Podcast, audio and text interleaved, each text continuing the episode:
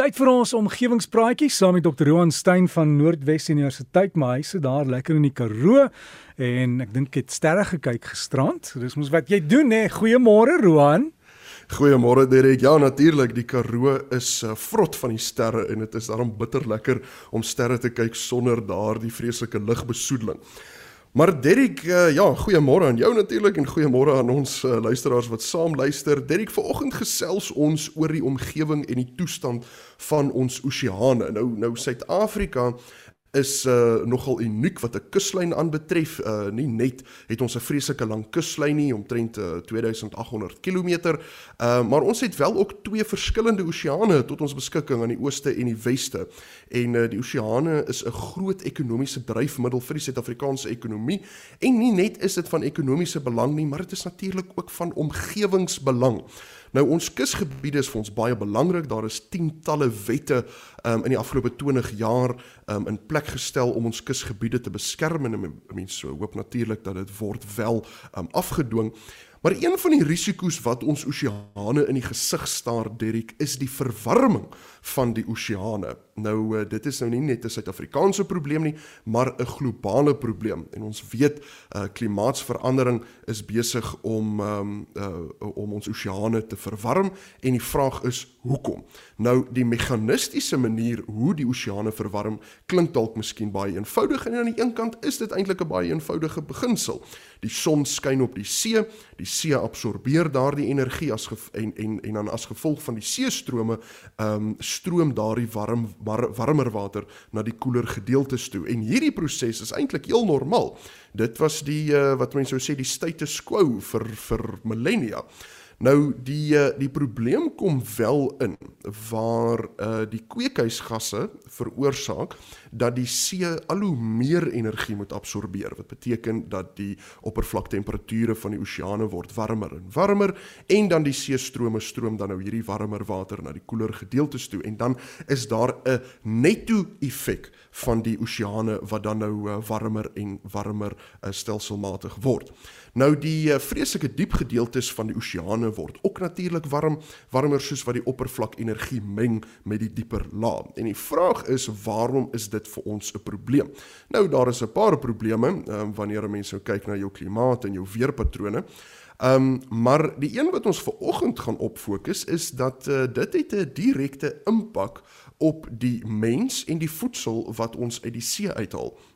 Die impak wat ons veraloggend bespreek is die gehalte en die hoeveelheid van omega-3 vette in die verwarmde oseane. Nou omega-3 vetsure Derek is 'n tipe vet wat ons liggaam nie kan produseer nie. Dit is 'n noodsaaklike vet wat beteken dat dit is juis noodsaaklik vir die mens om te oorleef.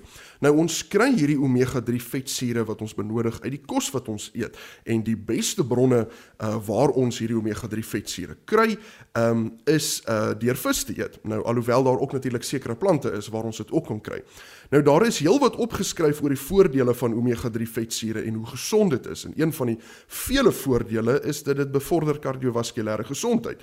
En ek is nou nie 'n mediese dokter nie, so as 'n mens nou vra het oor die voordele van omega-3 en die hoeveelhede en die verhoudings tussen omega-3 en omega-6 inname, dan uh, raai ek jou aan om maar net met jou huisdokter vinnig te gesels. Maar oor die algemeen word daar aanvaar dat omega-3 vetsure baie goed is vir jou en dit is belangrik om dit te weet juis omdat 'n mens se liggaam dit nie self maak nie en ons moet dit uit die omgewing uithaal en waar haal ons dit uit? Ons haal dit meestal uit die oseane uit deur vis te eet. Nou interessant genoeg, die eerste skakel is eintlik die seeplankton. Die seeplankton pro uh, produseer hierdie omega-3 vetsure en die visse eet die seeplankton en uh, ons eet dan nou die visse en so kry ons ons omega-3s in. Nou daar is 'n baie interessante studie gedoen Derek wat die hoeveelheid omega-3 um, in visse as 'n funksie van oseaan temperatuur gaan bestudeer het. So die studie is van stapel gestuur deur die Woods Hole Oceanographic Institution en uh, dit is in die akademiese joernaal um, Science gepubliseer. Nou hulle het basies gaan kyk of die oseaan temperatuur 'n impak het op die hoeveelheid uh omega 3 wat ons uit die oseane kry en dit blyk asof temperatuur nie net 'n impak het nie, maar wel die grootste drywende impak het op die omega 3 hoeveelhede in die oseane. Uh die studie het uh datastelle van planktoniese lipidome ondersoek van uh as ek reg onthou dink ek is dit 146 verskillende plekke reg oor die wêreld.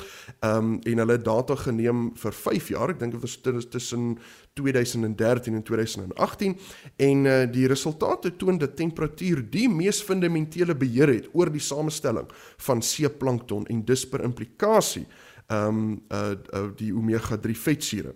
Nou hulle sê verder dat temperature was hoogs invloedryk in die strukturering van die relatiewe oorvloed van vetsuur spesies. So die wetenskaplikes wat hierdie ehm um, uh, studie gedoen het, het 'n duidelike oorgang gesien uh, van meer onversadigde vetsure, dit is nou die omega 3s, dit is nou wat ons wil hê in kouer oseaan temperature na volledige versadigde spesies in warmer water. En dit is eintlik nogal 'n skokkende resultaat, Derek, veral as 'n mens in ag neem dat hierdie studie is nie net op een plek gedoen nie. Hierdie studie se resultate staan ten spyte van sulke uiteenlopende planktoniese gemeenskappe um, uh, wat uh, bestudeer is uh in hierdie studie.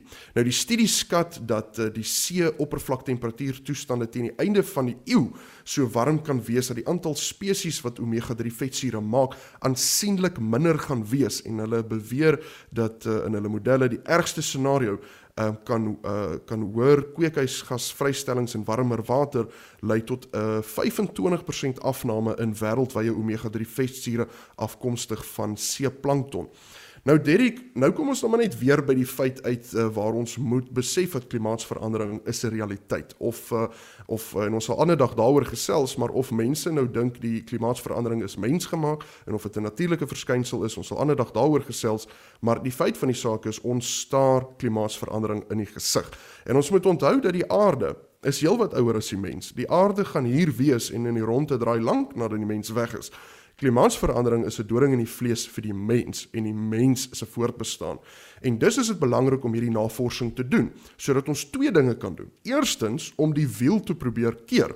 In hierdie geval probeer ons om die verwarming van die oseane te probeer stopsit. Nou natuurlik ons weet dat dit is nie iets wat ons oornag gaan regkry nie en ons weet ook dit is ook nie iets wat uh, een persoon alleen gaan regkry nie. Dit is uh, dit is iets wat oor dekades gaan neem want dit is ook iets wat oor dekades gebeur het. Maar die tweede rede hoekom ons hierdie tipe navorsing moet doen en hoekom dit van kardinale belang is, is om so lank aan 'n noodplan te werk. Ehm um, as die eerste stap nie werk nie of as die eerste stap te lank neem, dan moet ons vra wat gaan ons doen? Ons het ons omega 3s nodig om te lewe. Ons weet ons eie liggame produseer dit nie en ons het dit nodig. Dit is uh, noodsaaklik. En ons weet dat uh wel ons dit, dit lyk asof die navorsing toon dat teen 2099 gaan um, gaan die visse nie vir ons genoeg gee nie. So wat staan ons dan te doen? En dit is hoekom hierdie tipe navorsing in omgewingsake nie net tot môre kyk of tot aan die einde van die week kyk nie. Hierdie tipe navorsing is noodsaaklik om te kyk na aan die einde van die dekade of tot aan die einde van die eeu sodat ons kan sien wat werklik besig is om te gebeur. So op daardie noot groet ek jou Derrick, jy moet 'n heerlike naweek verder hê en uh, luisteraars, julle moet ook 'n heerlike naweek hê waar jy is en wees veilig en wees warm. Dankie Roan en lekker lamskotelette eet in die Karoo, hoor. Oeg, natuurlik. Ek het uh, gister gisteroggend het ek vir die eerste keer in hoeveel jaar het ek weer 'n uh, eh, um 'n uh, pap en kajings gehad. Ooh, dit was lekker geweest. Maak ja, maak ons lus. Maak ons lus. Roan geniet dit en veilig terugry, hoor. Baie dankie Derek. En dit dan Roan Stein met die omgewingspraatjie en gaan kyk op die omgewingspraatjies blad op Facebook. Jy kan ook daarvan kon daarvan af kontak maak met Roan en dan alles hoor oor hierdie omegas. En soos hy gesê het, onthou voor jy al hierdie goed gebruik, praat eers met jou dokter.